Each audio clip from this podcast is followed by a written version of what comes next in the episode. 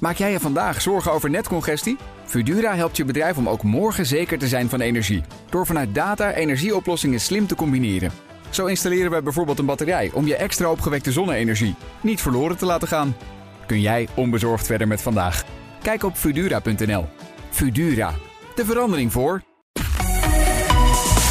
BNR Nieuwsradio. De Europa-podcast. Geert-Jan Haan en Stefan de Vries.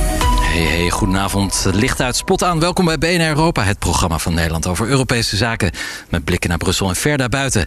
Mijn naam is Stefan de Vries en naast mij collega Eurocommissaris Geert-Jan Haan. Ja, dit is de eerste acte. Deze keer luistert u naar episch theater. Ik verzin ook maar wat termen, want ik heb niet zo heel veel verstand en heel veel ervaring van een uitzending vanuit de Leidse Schouwburg. Jawel, uh, mainstage. Ik hoor er nog maar een term in. Ja. BNR Europa komt deze week vanuit Leiden. En we zitten in werkelijk waar een prachtige grote zaal. Ik zou willen zeggen hooggeëerd publiek.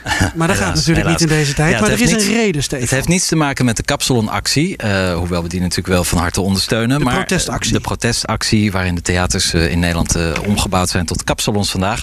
Woensdag. Maar dit was al gepland. We zitten in Leiden in een van de oudste zalen van Europa. Prachtige schouwburg. Want dit jaar is Leiden de Europese hoofdstad van de wetenschap. For 365 days. Be amazed.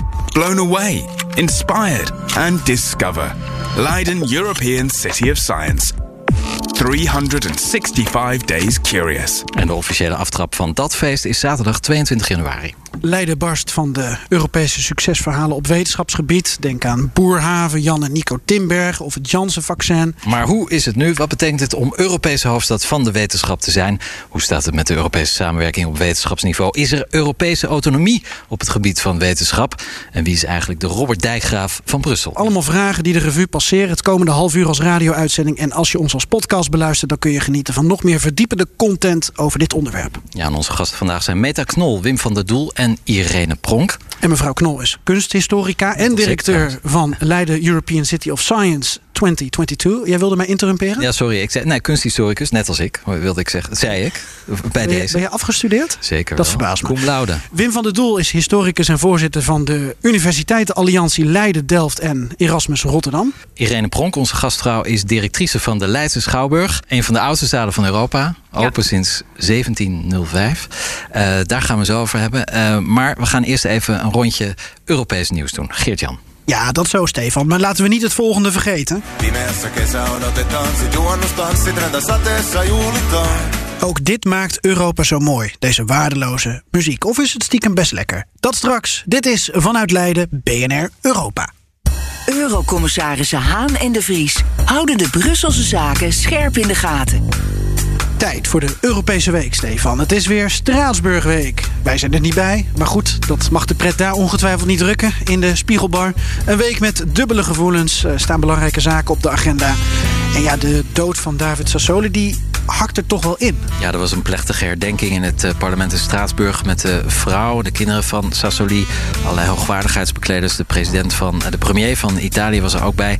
Ja, het was een emotionele bijeenkomst. Hij was behoorlijk geliefd, zowel links als rechts.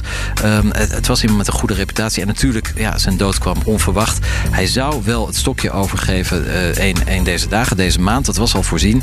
Maar ja, op deze manier, uh, dat had natuurlijk uh, niemand ge gehoopt. treurig. Ja, tegelijkertijd, de koning is dood, leven de koningin. Ja, het Europees Parlement koos de Maltese christendemocrate Roberta Metsola. Uh, zij is 43, ze werd jarig op de dag dat ze gekozen werd. Uh, zij is dus een nieuwe voorzitter. En voor de eerste keer in 21 jaar heeft het Europees Parlement weer een vrouw aan, haar, aan het hoofd. Ze blijft 2,5 jaar zitten. Op Malta geldt ze als een hardliner in de strijd tegen corruptie. En ja, in Europa geldt ze als een hardliner, want ze is uitgesproken tegen abortus. En ja, dat is dus een beetje een, een het is conservatief, maar tegelijkertijd ook een bruggenbouwer.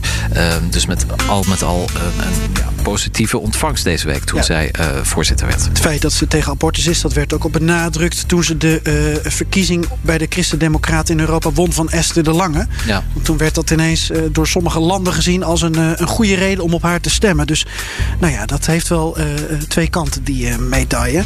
Er waren dus tegenkandidaten, maar die zijn al vrij snel eigenlijk kansloos gebleken. Um, ja, ze is met een vrij overgrote meerderheid gekozen. Het is wel zo dat de twee andere grote fracties, Sociaaldemocraten Democraten en de Liberalen. Die hebben niemand uh, voorgesteld, voorgedragen, omdat ze achter de schermen een soort handjeklap hebben gedaan met Ja. de Europese Volkspartij. Ja. Ze zeiden van, nou, wij zullen niemand als tegenkandidaat aanbieden. In ruil voor eh, een groot aantal vicevoorzitters, eh, andere hoge posten, maar vooral voor een aantal beloftes op een aantal eh, aspecten. Denk aan klimaat, denk aan innovatie. dat de Christen-Democraten daar wel in meegaan. Ja, precies. Straatsburgse bestuurscultuur die ook wel aan vernieuwing toe is. Maar goed, als vicevoorzitter viel Metzola al regelmatig in. Eerder was ze actief als advocate en in de Europese buitenlandse dienst. Ze is echt een Europeaan. Er was natuurlijk ook kritiek op haar. Maar ja, het parlement heeft een bruggenbouwer nodig. Iemand die consensus kan smeden. Want er is natuurlijk niet echt oppositie. Alle partijen moeten met elkaar uiteindelijk door één deur kunnen. Dus ehm, ja, al met al een redelijk positieve benoeming deze week. Dan nog een ander eh, bericht eh, dat ik graag wil aanhalen. Spanje beschouwt corona voortaan als griep. Overal te lezen afgelopen week. We zijn ons daar na onze uitzending toch nog eens even extra in gaan verdiepen. En het lijkt nu toch wel wat anders in elkaar te zitten, Stefan. Even luisteren naar Pedro Sanchez en wat hij nou zei bij de Spaanse radio. Este es un debate que ya estamos intentando abrir a nivel europeo. La propia ministra de Sanidad eh, lo ha planteado a distintos ministros de Sanidad eh, europeos.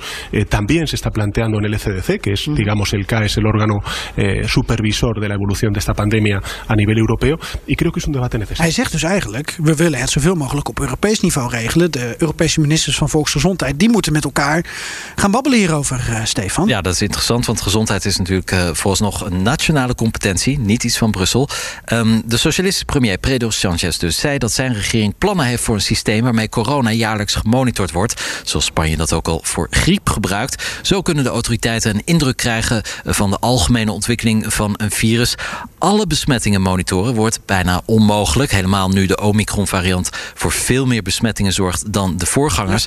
Ja, en vooralsnog lijkt het erop dat ondanks de hoge mate van besmettelijkheid Omicron dus voor een minder hevig ziektebeeld zorgt.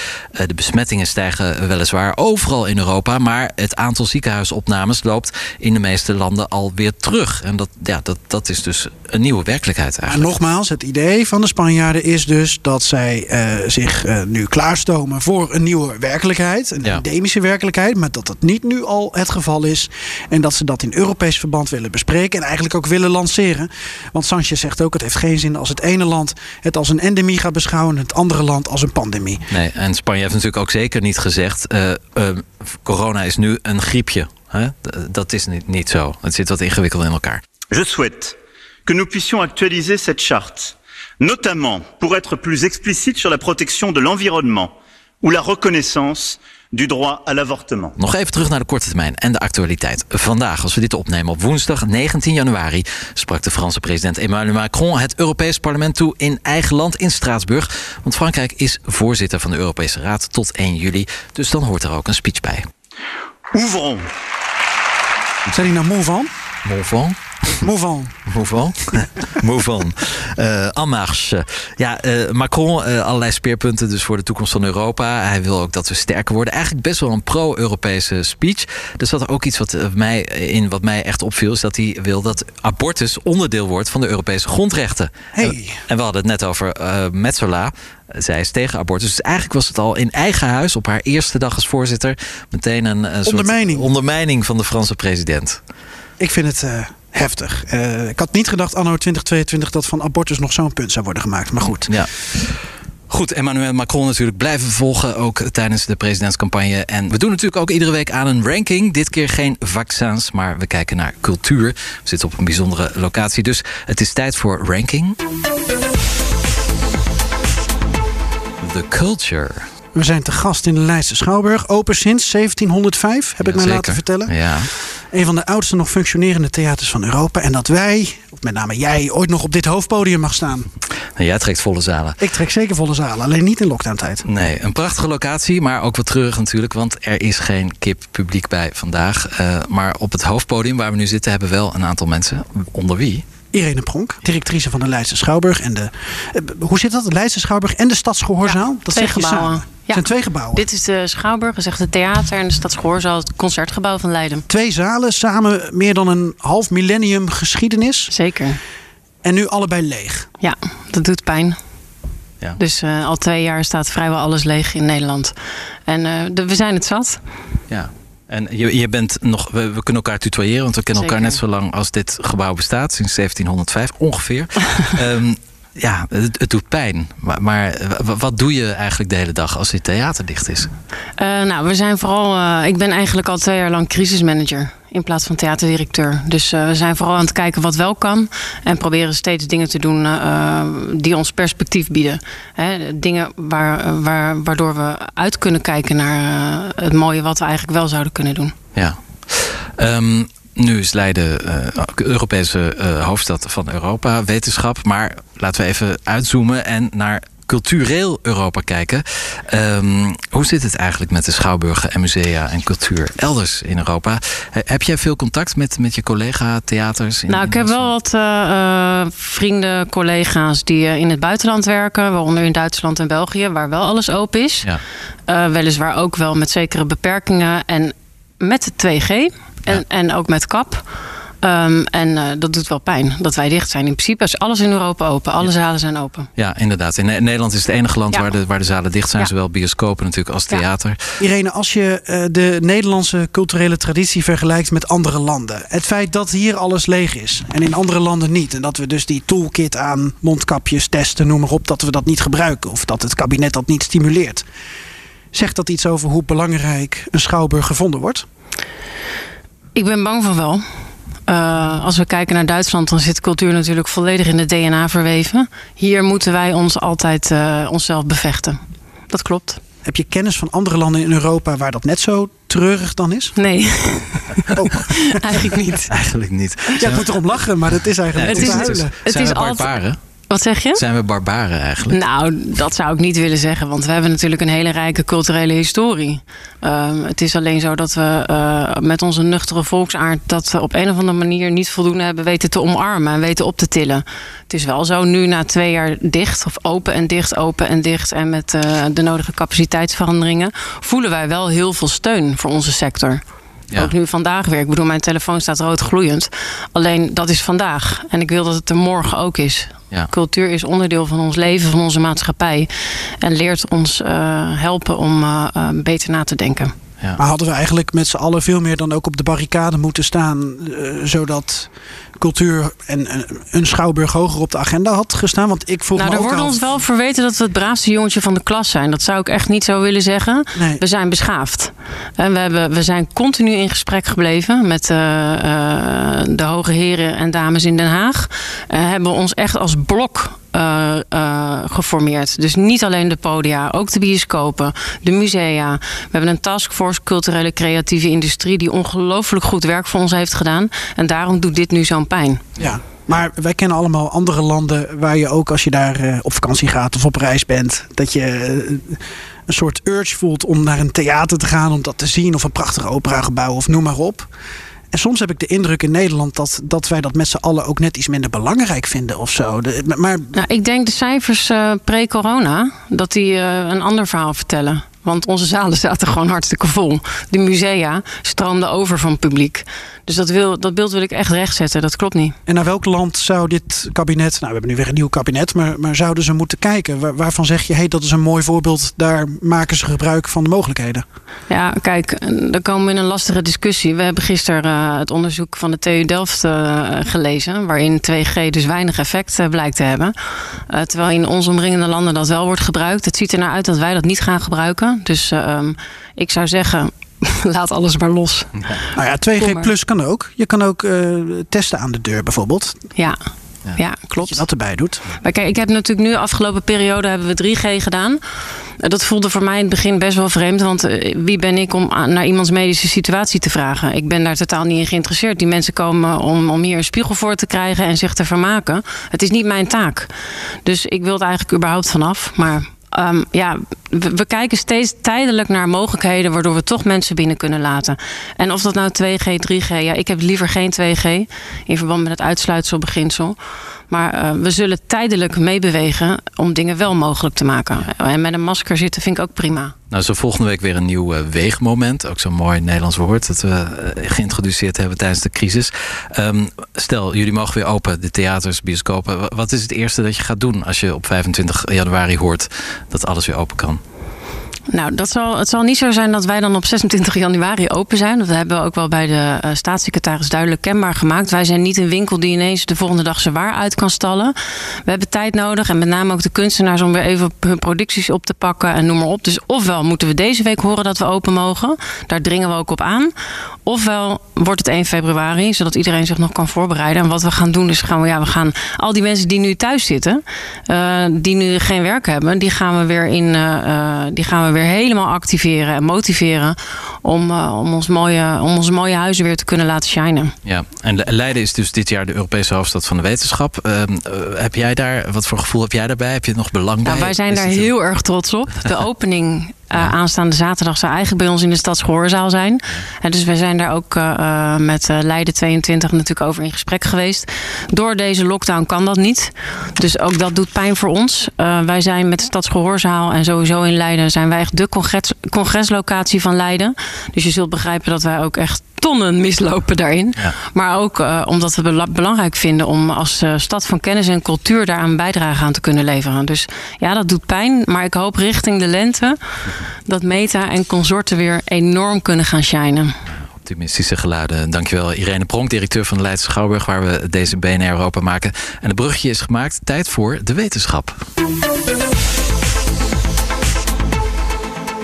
Ja, nog wel uh, fijn om te benadrukken dat die protestactie... dat die dus vandaag niet in die Schouwburg kon plaatsvinden waar wij nu zitten. Omdat wij hier zitten. Ja, maar dat neemt niet weg dat we natuurlijk die protestactie sympathiek vinden. En wij zijn ook cultuur. Wij zijn ook cultuur, Toch? ja. Maar wij mogen gewoon door. Helaas in de lege zaal dus in Leiden. Wel in de Europese hoofdstad van de wetenschap. Um, de Universiteit Leiden is trotse partner van Leiden 2022. Van 2022. Je probeert het weer te, uh, ja, te dat ik word er helemaal gek van. Een jaar lang in ieder geval. Evenementen en bijeenkomsten bijeenkomsten. Voor iedereen met een open en nieuwsgierige geest. Boordevol wetenschap, kennis, kunst en kunde. Ja, Geert-Jan. dat las ik althans op internet. Ja. Die, die, tekst staat uh, online. Ja. Uh, maar wat betekent dat dan? Uh, de wetenschappelijke hoofdstad van Europa zijn. En is het handig in dat geval dat je een rijke wetenschappelijke traditie hebt? Of werkt dat misschien ook wel een beetje belemmerend? En wat vindt Brussel eigenlijk van wetenschap? En vice versa. En dat praten we over met Meta Knol en Wim van der Doel. Uh, mevrouw Knol, u bent de directrice van dit jaar. Um, ja, zaterdag zou u dus in de Leidse uh, gehoorzaal staan. Uh, gaat niet door. Hoe gaat u dan zaterdag de feestelijke aftrap van het wetenschapsjaar openen? Ja, dankjewel. Nou, op de eerste plaats vind ik het al fantastisch om hier met uitzicht op de Leidse Schouwburg te zitten. Hè. Dat is echt een fantastische plek. Dus ook, dank ook, ook uw dat we hier nu kunnen zijn. Op het hoofdpodium? Nou ja, dat ik, act? En, en Leiden 2022 en, en in de Leidse Schouwburg. Ik vind dat wel mooi om dat samen te laten komen. Zaterdag zou dat inderdaad de officiële opening van het wetenschapsjaar zijn in de Stadsgehoorzaal in Leiden. Uh, die hebben we gecanceld. Maar plan B is nu volop in productie. En dat is een hele mooie openingsfilm. Die we de afgelopen dagen in en om Leiden hebben opgenomen. En waarin bijvoorbeeld ook Maria Gabriel een uh, rol speelt vanuit uh, Brussel. En ik heb meteen een leuke primeur voor jullie. Want we hebben vandaag bekendgemaakt dat uh, minister Dob Robert Dijkgraaf het jaar officieel gaat openen. De, de kerstverse minister en ja. wetenschapper. Um, en die, die Princeton verruilde voor Prinsjesdag. Ik begrijp het nog steeds niet waarom. Maar goed, en, hij, en, hij, hij, werkt met jullie mee. En er zit nog een mooi verhaal, Robert Dijkgraaf, heb ik gelezen. Ja. Want hij had in Princeton de, de werkkamer van Albert Einstein... die ook hier zijn voetsporen heeft. Hier in Leiden, ja, inderdaad. Nou, goed hè? Ik, ik ben dat eigenlijk niet. Fantastisch. Dank je. Um, Meta, um, hoe, hoe, zijn jullie dit geworden eigenlijk, Europese hoofdstad van het jaar? Is er een lobby aan vooraf gegaan? Uh, hebben jullie wild geconcurreerd met Cambridge en Parijs en Bologna? Of, of ging het iets anders? Nou, weet je, dat is, dat is wel visie in ondernemerschap. Um, en ik was er toen niet bij, dus ik kan het verhaal vertellen van de mensen die er toen bij waren. En dat speelde in 2016, 2017. Dat leidde eigenlijk een beetje uit dat Calimero-ei kroop. En dacht, wat nou als wij eens een Europese wetenschapsjaar gaan organiseren? En meedingen naar uh, het binnenhalen van het allergrootste interdisciplinaire wetenschapscongres van Europa. Het Euroscience Open Forum. Ze hebben dat gepitcht. En in Toulouse in 2017 hebben ze dat inderdaad toegekend gekregen voor 2022. In 2020 ging het naar Trieste, de Italiaanse havenstad uh, Trieste. Daar zijn wij ook geweest. En daar hebben wij in een hele ceremonie, uh, waar ook uh, de Italiaanse premier Conte aanwezig was, die titel overgedragen gekregen. Olympische Spelen ceremonie. Ja, ja, het is heel grappig om zoiets mee te maken. Maar goed, het is dus gelukt. Dus de stad, stadspartners, kennispartners in de stad Leiden zijn daar samen in opgetrokken. Dus dat is de gemeente, de universiteit, het LMC, maar ook Leiden Marketing, Leiden en Partners. En ze hebben dat gewoon hartstikke goed gedaan en ze hebben dat binnengehaald. Dus in eerste instantie ging het om een congres, maar jullie hebben er eigenlijk iets heel groots Ja. van gemaakt. Want er waren nog geen Europese wetenschappelijke hoofdsteden, toch? Nee, dus dat is ook een soort wisseltruc. Ja. Ehm, het is de tiende editie van de ESOF-conferentie die in eh, juli in eh, Leiden gaat plaatsvinden. Natuurlijk hopen we dat dat dan ook weer in de Stadsgehoorzaal eh, kan. Eh, als het dan weer open is. Ehm, maar bij die tiende editie hebben we inderdaad eh, echt iets wezenlijks anders aangepakt. Dus in plaats van een congres met daaromheen nog een publieksprogramma... hebben wij gezegd, wat nou als we een jaar lang de Europese stad van de wetenschap zijn. Ja. En dat het congres daar een onderdeel van is. Nou, dat, dat idee is echt omarmd door de Europese Commissie. En eh, ja, het is zover. het is Voor de begonnen. mensen die, dat, die, dat, die ESOF niet kennen, dat is altijd in, in samenspraak met Straatsburg. Hè? Met het, Ja.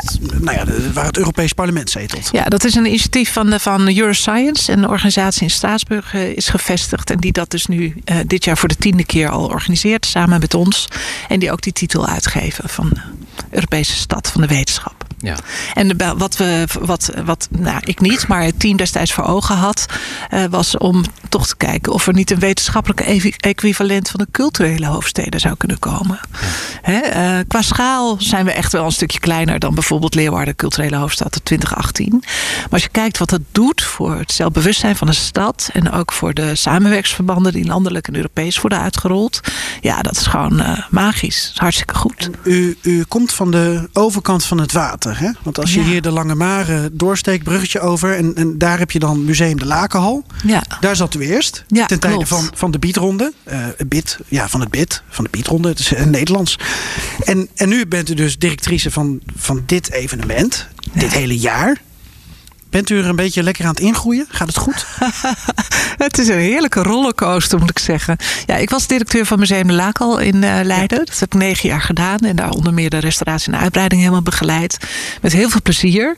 Eh, en als directeur van het Stadsmuseum van Leiden ben ik natuurlijk al enorm van die stad gaan houden. En ik ben altijd al heel erg geïnteresseerd in, in kunst en wetenschap. Eh, dus ik vond het eigenlijk wel heel mooi toen mij de vraag werd gesteld om dan dit, deze klus op me te pakken. En ja, om in anderhalf jaar een wetenschapsfestival van 365 dagen uit grond te stampen is geen kattenpis. Maar eh, we doen dat samen met de partners, dus de gemeente Leiden, de universiteit, het LMMC en de hogeschool. En vele anderen daaromheen. En ook een fantastisch team. Dus eh, Ja. lekker bezig. Ook aan tafel hier is Wim van der Doel. U bent decaan van de Leiden Delft Erasmus Uni- Universiteiten Alliantie. Het staat in mijn draaiboek als universities, maar dat weiger ik. Ehm, er zit ook een Europees haakje aan uw positie. Wat, wat doet u precies? U heeft een mooie omschrijving op een visitekaartje. Ja, het enige wat ik doe eigenlijk is eh, te proberen om de universiteiten in Zuid-Holland, die achtereenvolgens zijn eh, opgericht. Hè. Eerst Leiden, daarna in de 19e eeuw Delft en dan weer in de 20e eeuw eh, de Erasmus Universiteit, om die met elkaar te laten samenwerken. En om die regio hier in Zuid-Holland natuurlijk ook op Europees niveau eh, eh, te, te laten, eh, eh, goed te laten functioneren. Ja, en wat, wat is de Europese kant van uw eh, activiteiten?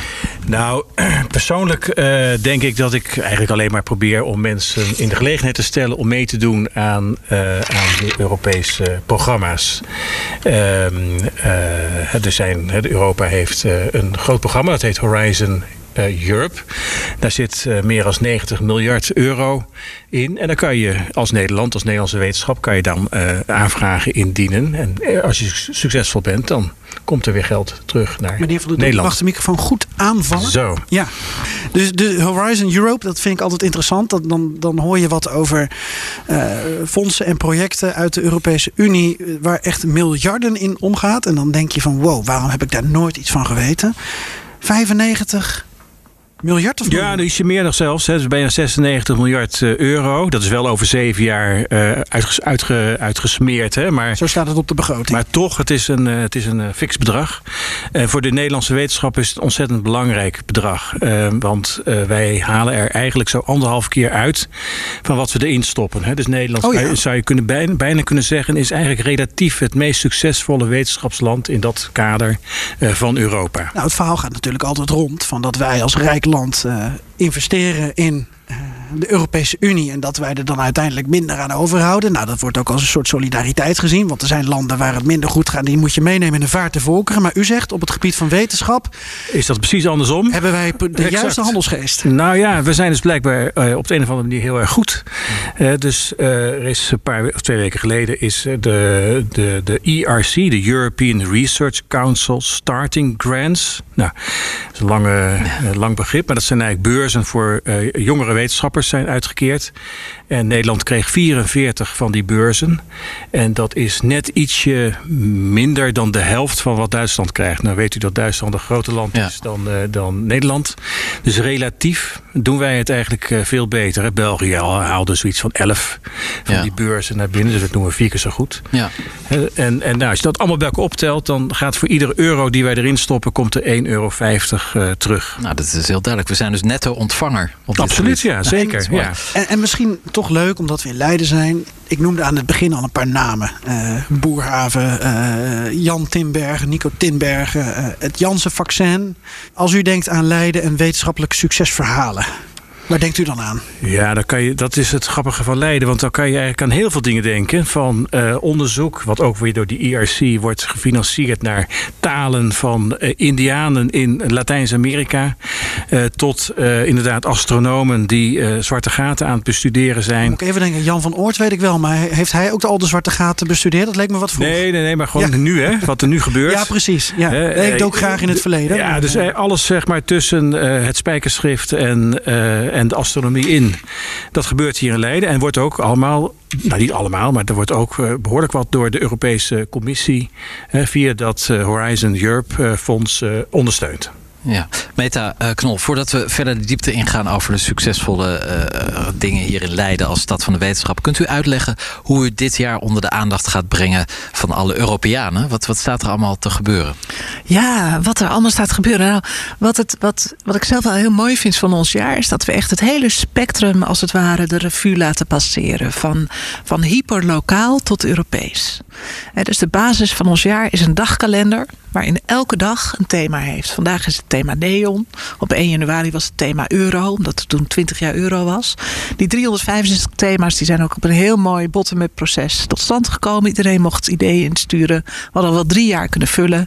En daar gaan we, als COVID het uh, toelaat, uh, ook hele mooie activiteiten hier in de buurt en de wijken van Leiden mee organiseren. En daarnaast hebben we natuurlijk op hoog wetenschappelijk Europees niveau ook echt een paar absolute hoogtepunten.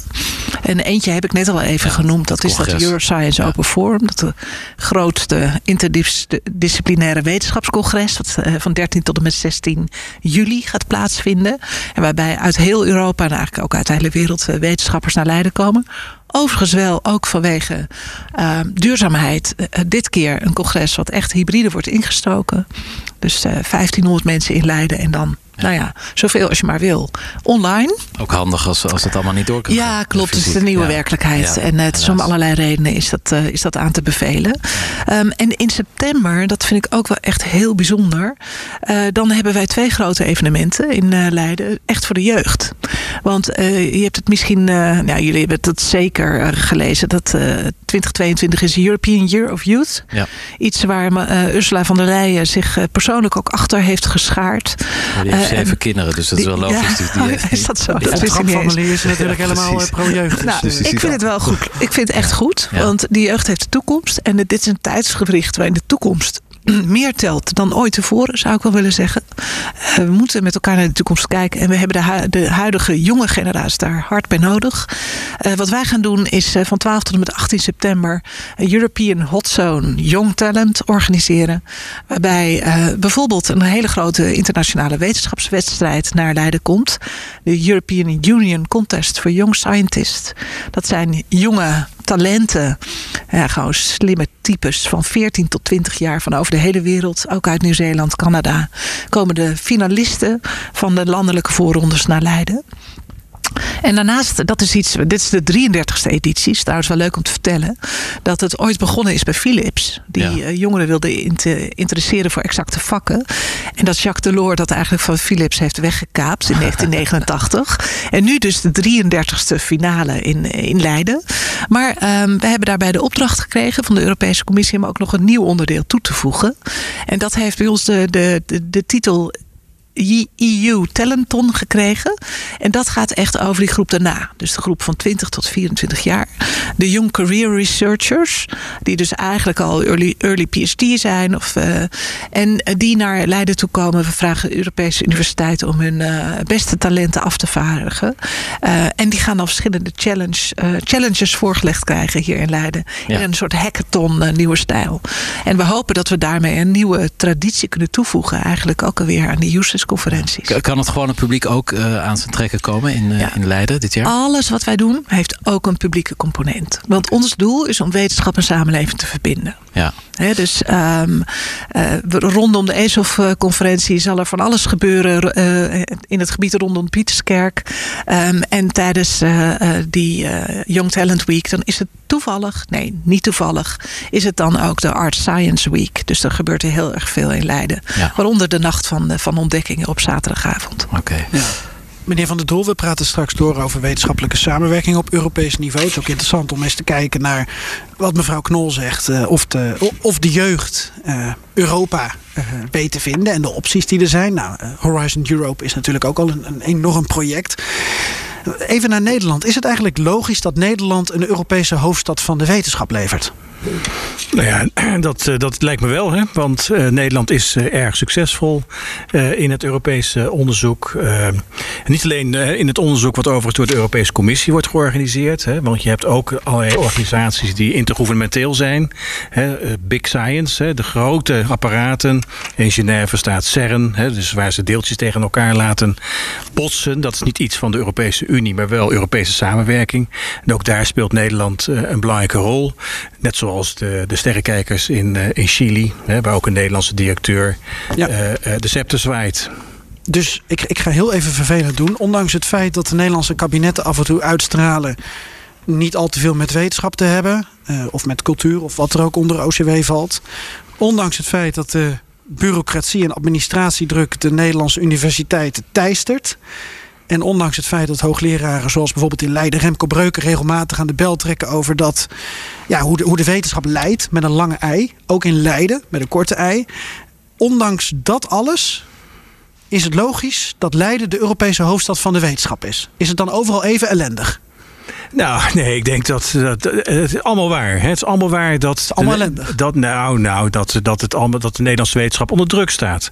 Dat is zeker waar. Dat de Nederlandse universiteiten onder druk staan. Met, uh, met veel studenten, met hoge werkdruk. is ook allemaal waar. Maar ergens uh, doen we het ook nog goed. Hè? Dus het is niet alleen maar uh, ellende. we doen het goed in het wetenschappelijk onderzoek. we hebben een goede onderzoeksfinancier in eigen land. NWO. Daar kan je ook van alles over vinden. Maar dat hebben we wel. En die bereidt de Nederlanders heel goed voor om ook in Europa succesvol te zijn.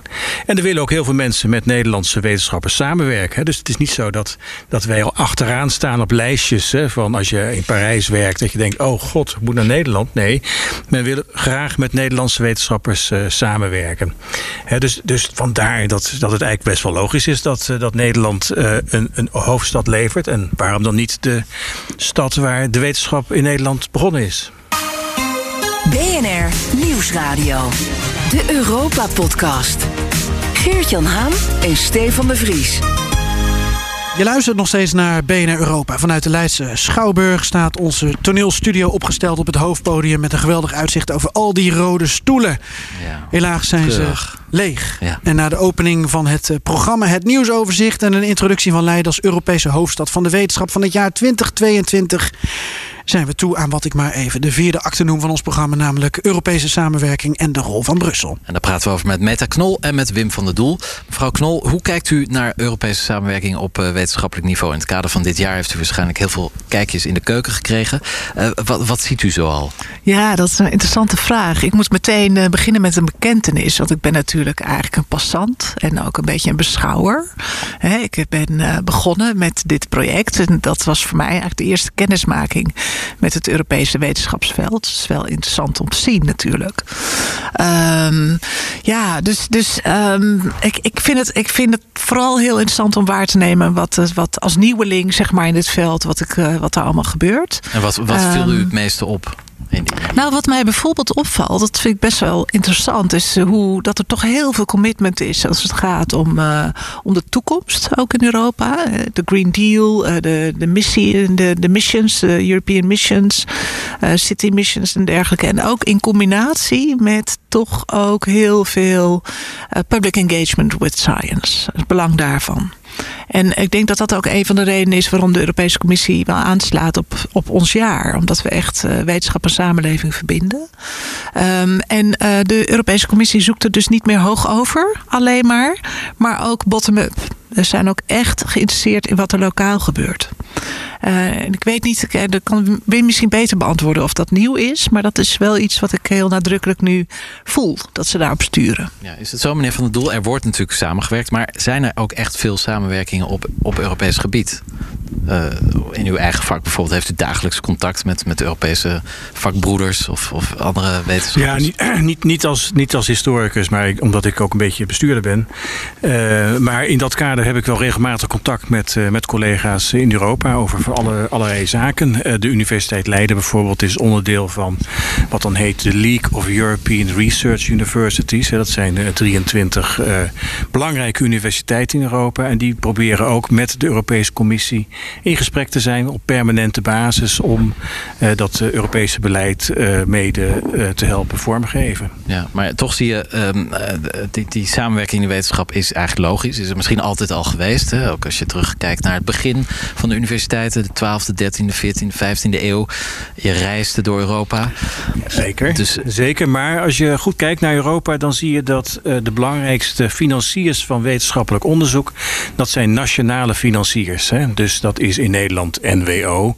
En in Duitsland is dat de DFK, nou enzovoorts enzovoorts. En die financieren eigenlijk alleen maar binnen de eigen grenzen. Dat is een beetje raar. Ja, maar zo, zo, dat is ja. ja, maar goed, er zijn de belastingbetalers uh, geld. Hè, en die, ja, waarom zou je daar een buitenlander uh, mee, uh, mee financieren? Dus het is, als je het aan nationale staten overhoudt, ja, dan blijft dat allemaal heel erg nationaal. Dus je hebt dat Europa echt nodig om zowel het niveau van het wetenschappelijk onderzoek omhoog te tillen, als zeg maar, die samenwerking mogelijk te maken. En nog iets anders, hè, dat, uh, we hebben het nu over onderzoek, hè, over wetenschap. Maar ja, wetenschap is ook studenten. Ja. Hè, want uh, uh, die moeten het gaan doen. Ja. En, ja, en daar heeft Europa natuurlijk ontzettend belangrijk werk gedaan. door allereerst de hele curricula van de universiteiten te harmoniseren. Hè. Overal is er een bachelor en een master gekomen. Dat heet het Bologna-proces.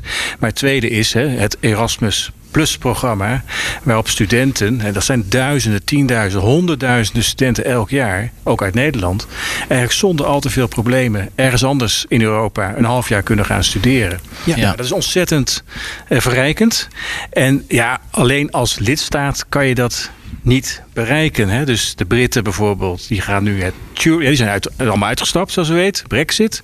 Ja. Ook uit dat Erasmus Plus programma. Ja, mag ik daar één ding ja. over vragen? En dan, ik zie uh, aan de rechterzijde van u mevrouw Knol die ook, ook iets uh, wil toevoegen. Want als we het over Europa hebben in dit geval, uh, heeft u het dan over de Europese Unie? Of valt, vallen sommige projecten soms buiten de Europese Unie? Want Erasmus is dus EU. Ja, dat is van de Europese Unie. Ja. Maar ook uh, in sommige gevallen uh, zijn er geassocieerde staten. Hè? Dus bijvoorbeeld het Horizon Europe, dat Precies. wetenschapsprogramma. Ja. Daar doet bijvoorbeeld ook Israël aan mee. Hè? Israël is ook heel... Maar ik neem aan ja. de Nooren en de Zwitsers ook dan? De Nooren en de, nou ja, de Zwitsers die worden nu een beetje op een strafbankje gezet. Omdat de Europese Unie een conflict heeft met, uh, met, met Zwitserland. Ja, maar dan zijn wij die deeltjes van CERN. nee, want dat is een nee? intergouvernementeel organisatie. Oh, hè? Dat is niet van de Europese Unie. Dat is fijn. Maar hè, dat, het belangrijke is, van als je nu aan aan een Zwitser vraag: vind je het nou erg hè, dat je geen geld uit Europa krijgt? Dan zeggen de Zwitsers: nou ja, qua geld maakt het eigenlijk om. We hebben geld tegen de plinten in Zwitserland. Dus dat is het probleem niet. Maar wij missen dus die samenwerking. En we missen ook die Europese Research Council, onderzoeksraad, hè, die dus, uh, waardoor je uh, meedoet in een competitie. Als onze mensen daar niet aan mee mogen doen ja, dan gaan we toch dingen missen. Dus het gaat die Zwitsers niet om het geld, hè, die wetenschappers. Het gaat juist om die samenwerking. Ja, ja. Omdat je dus meer kan doen in Europese samenwerkingsverband dan in het land zelf. Dan, dan nog willen ze het eerst in een referendum natuurlijk gieten. Hè, en dan, ja, dan van vinden. Dat, dat vinden sommigen in Zwitserland. Maar als je de wetenschappers in Zwitserland vraagt, dan krijg je een heel duidelijk antwoord van wij moeten hier gewoon aan meedoen.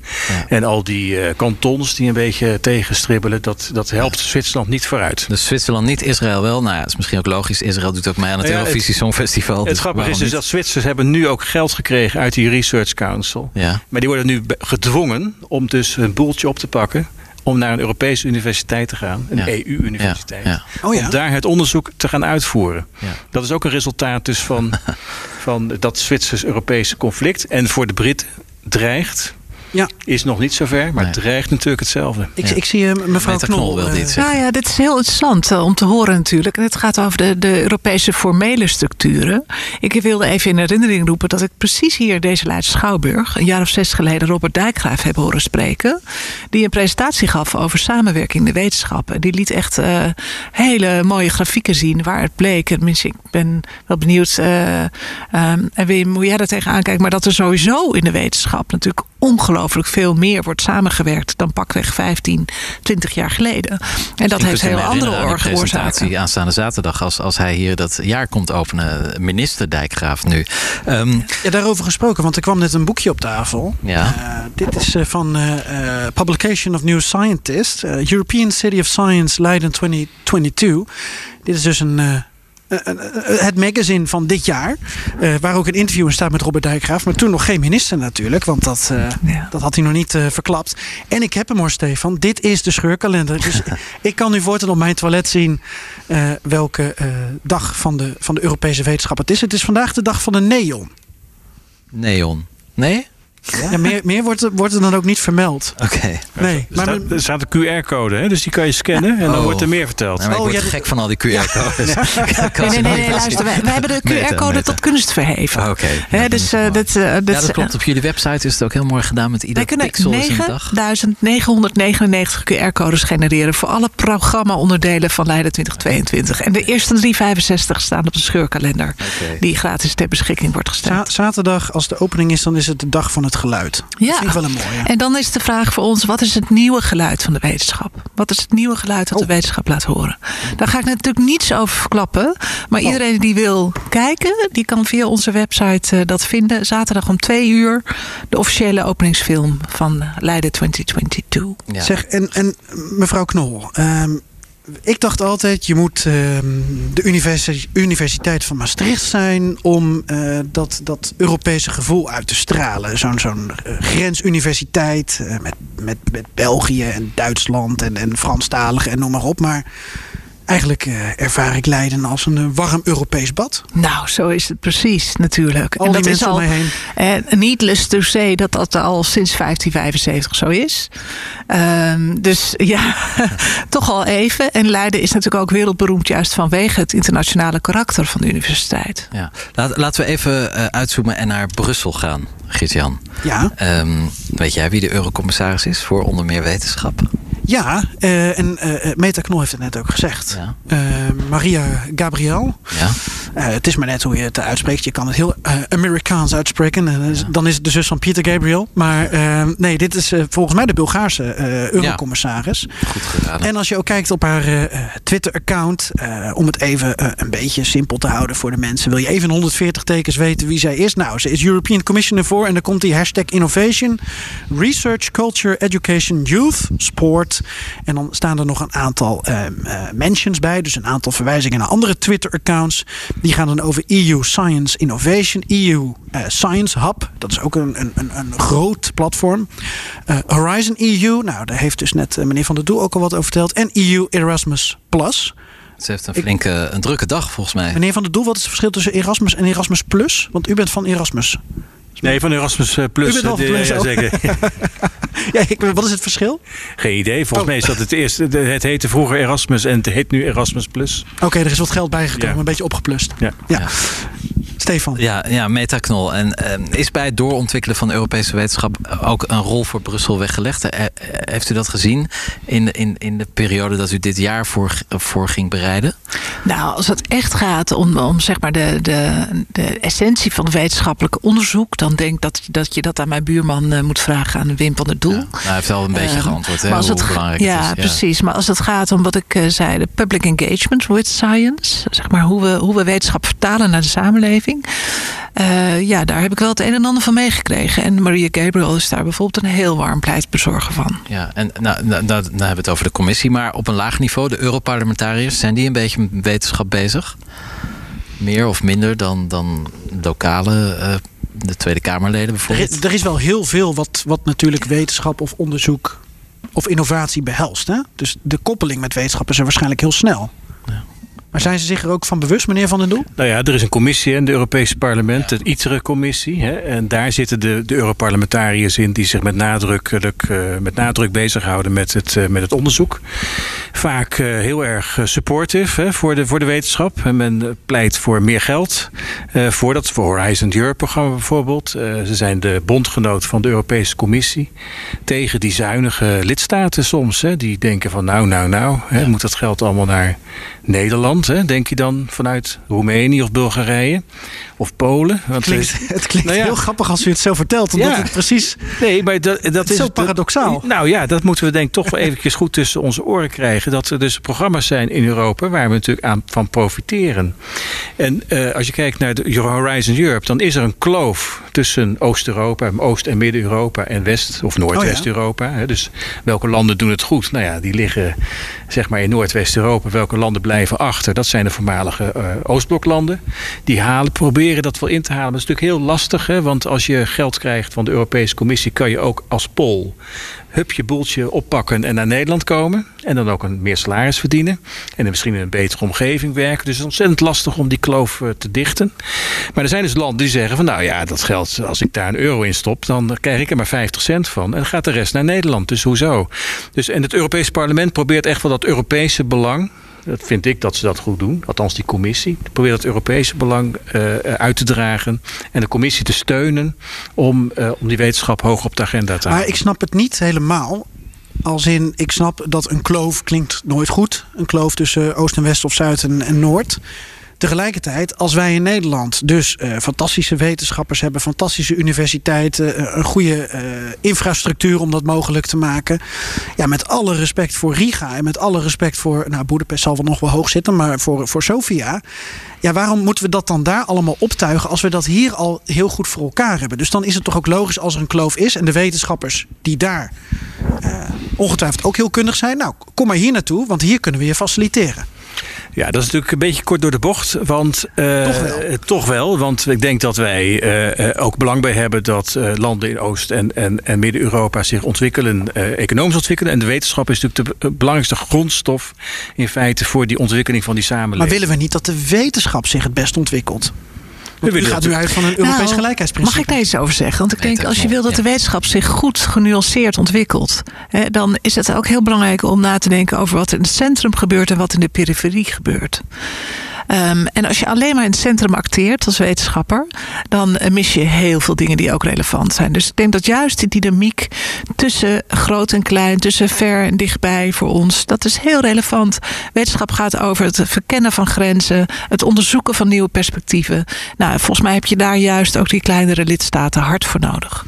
Plus er is ook talent in de Baltische Staten. En als je daar dus geen eh, goede wetenschap hebt en wat minder universiteiten, nou, de Baltische Staten gaat het eigenlijk best wel aardig, maar u begrijpt wat ik bedoel, dan verliezen we ook, of dan missen we ook talent die we ook nodig hebben om eh, zeg maar hele belangrijke vraagstukken van onze samenleving eh, op te lossen. Ik moest ook wel denken bij die verschillende ehm, wedstrijden die dit jaar worden georganiseerd.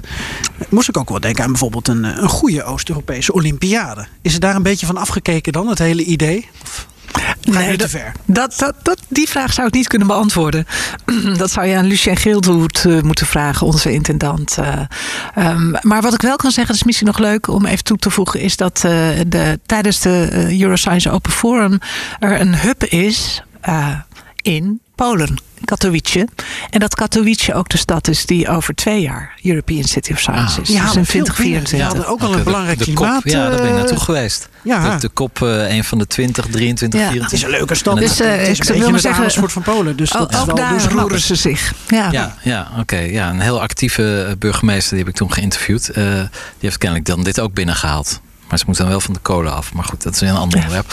Um, Meneer Van Doel, u kent Leiden, Rotterdam en Delft. Nou, de TU Delft heeft laatst een eredoctoraat uitgereikt aan Eurocommissaris Frans Timmermans. Uh, was een beetje gedoe over. Wat vindt u ervan dat een Eurocommissaris zo'n eredoctoraat krijgt? Nou, daar heb ik eerlijk gezegd geen enkel uh, uh, bezwaar tegen. Eredoctoraten, dat zijn een soort uh, ja, medailles die universiteiten uitreiken aan mensen die, die, die waarvan, waarvan, zij vinden dat ze die het verdienen. Hoeven niet altijd wetenschappers te zijn. Dat kunnen ook kunstenaars zijn. we hebben hier William Christie gehad hè, in, in Leiden, de barok-dirigent. Ehm, ja, dus het kunnen van alles nog. Ik vond het eigenlijk wel heel moedig en heel goed eigenlijk van de TU Delft om het te doen. Uh, TU Delft is natuurlijk een universiteit die uh, nogal een verleden heeft met, uh, laten we zeggen, fossiele mijnbouwondernemingen. dus ik denk dat er heel veel Delftse ingenieurs gaan, gaan werken bij dat, bij dat bedrijf wat ja. nu naar Londen ja. vertrekt. Hè. Maar good, dat is een beetje de oude riddance. economie, zal ik maar zeggen. En dat, dat, Delft, dat Delft zegt van nee, we zetten volop in op de energietransitie. Dat is hun, hun thema. En we vinden dat Frans Timmermans daar gewoon goed werk verricht. samen natuurlijk met, met zijn met Diederik Samson, hè? Ja. ingenieur uit Delft. Dat heeft Frans Timmermans ook nadrukkelijk gezegd hè, toen die die sjerp of die medaille kreeg. Hè, van het is uh, Diederik Samson die ontzettend hier goed, goed werk doet. Ik vind het eigenlijk heel goed dat de universiteit zegt van kijk naar de toekomst. We moeten naar een groene uh, toekomst werken. En we laten een beetje dat fossiele verleden achter ons. En het is ook een medaille, uh, een eredoctoraat, omdat Timmermans, uh, nou laat ik het zo formuleren, de klimaatwetenschap serieus neemt. Hij neemt de wetenschap serieus. Hij neemt de wetenschap serieus. Maar de discussie wordt heel gepolariseerd gevoerd. Ja, dat ik, uh, ik. Mevrouw Knol zie ik bijna van het podium afvallen hoor, als ik dit zeg. Dus, uh... Ja, we moeten ook misschien niet al te veel aandacht geven aan mensen die op de social media uh, uh, luid en luid. Nee, maar hoe wordt het dan in, in uw wereld, in de wereld van de wetenschappers en de universiteiten dan ontvangen? Zo van, is dat dan ook nog een kloof dat mensen het niet snappen of zo? Of is dit echt aangejaagd door een stelletje kwaadwillenden en verder moeten we er geen woorden meer in vuil maken? Nou, ik zou zeggen, we moeten naar de, even het, de, de groot, het grote uh, verhaal uh, in de gaten houden. Het grote verhaal is dat er een Green Deal is, wat je er ook van vindt. Maar dat is heel noodzakelijk. Dat vindt denk ik toch uh, de, de alle overgrote deel van de wetenschap is het daarmee eens. Hoe je dan het allemaal precies doet, is natuurlijk nog een andere vraag. Hè? Want dat, is, dat zegt de TU Delft ook. We hebben hier, hè, ze hebben daar een, een, een, een village geopend, hè, door laten, laten openen door Frans Timmermans, waar ze experimenten gaan doen van hoe kan je nou, zeg maar, die klimaat klimaattransitie nou in het echt uh, vormgeven? Dat antwoord is nog niet gegeven. Dat is nou waar, de wetenschap voor is, hè, om dat uit te zoeken. Uh, maar dat dat uh, heel belangrijk is en dat we dat allemaal moeten doen. Ik denk, ja, daar is het overgrote deel van, van de wetenschap denk ik wel van overtuigd.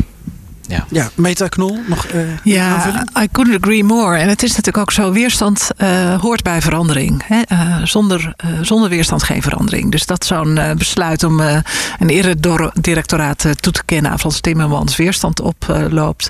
Ja. ja, dat is eigenlijk logisch. Ik wil wel zeggen dat wij ook met Leiden European City of Science... de toekomst speelt een hele belangrijke rol in ons programma. We leven in tijden van verandering. we moeten naar die toekomst kijken. door de bril van de wetenschap, maar ook door de bril van kunstenaars.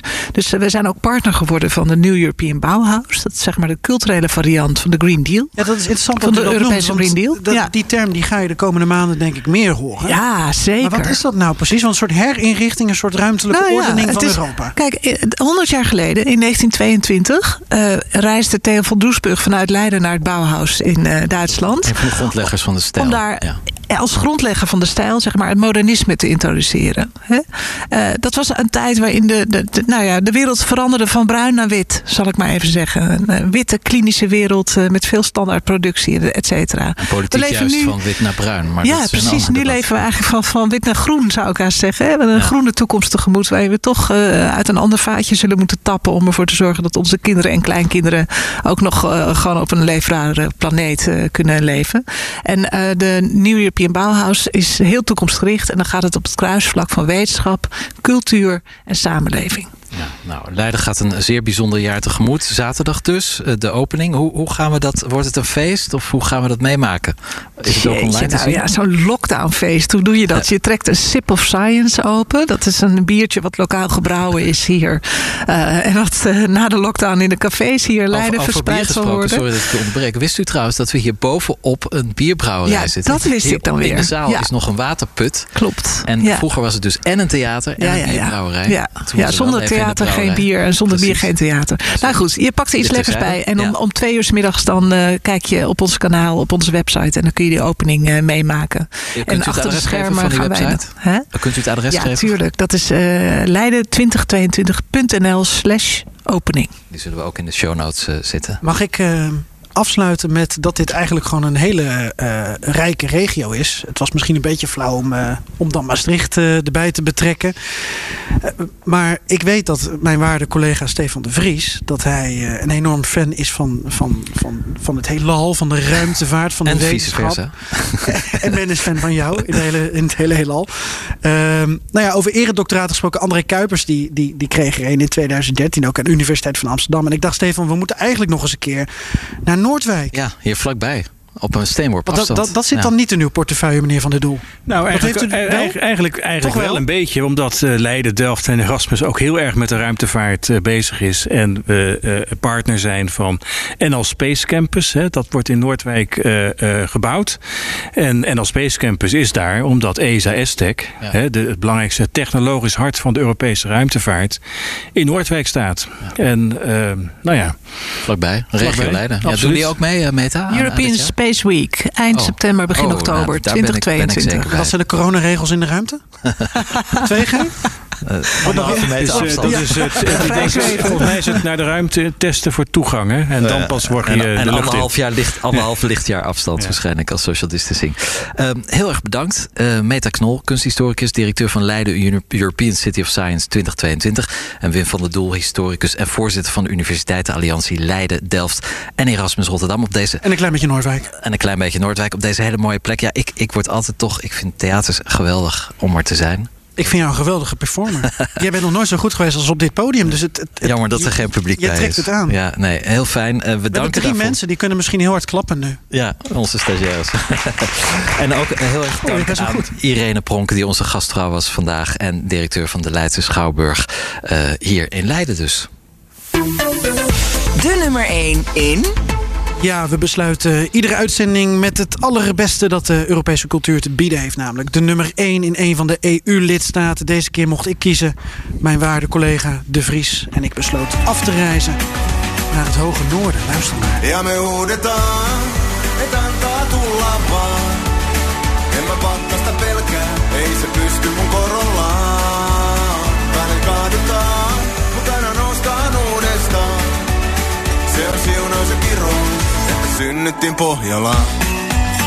Klinkt een beetje als eh, Finse countrymuziek, eh, Scandinavian street. Het is Olli Hallone, de single Pojola. Pojola, Pojola. Ik weet niet, ik probeer ergens een hoge klank in te gooien. Eh, uitgebracht in mei 2021 werd eh, eind vorig jaar een van de eh, best beluisterde nummers op de Suomen Spotify. Jazeker, wie kent het niet, de Finse Spotify.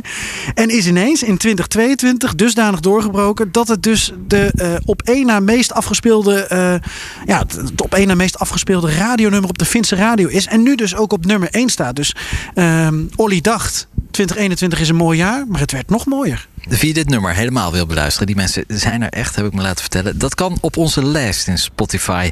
Even zoeken op BNR Europa nummer 1 en dan heb je alle Eurotrash hits handig bij elkaar. Volgende week woensdag dan is BNR Europa er weer in Amsterdam op de FM en online. Volg ons ook als podcast via BNR Europa. En in die podcast feed ontvang je wekelijks mooie audio-updates van ons al even mooie continent. En wil je live meeluisteren? Dat kan op woensdagavond, iedere woensdag om 7 uur op BNR. Aito. À la prochaine.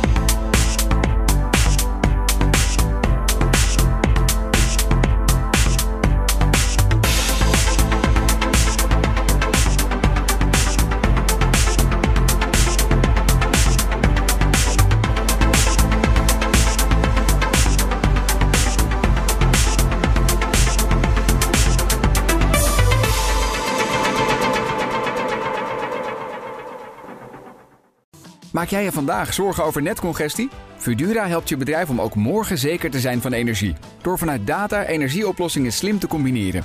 Zo installeren wij bijvoorbeeld een batterij om je extra opgewekte zonne-energie niet verloren te laten gaan. Kun jij onbezorgd verder met vandaag? Kijk op Fudura.nl. Fudura, de verandering voor.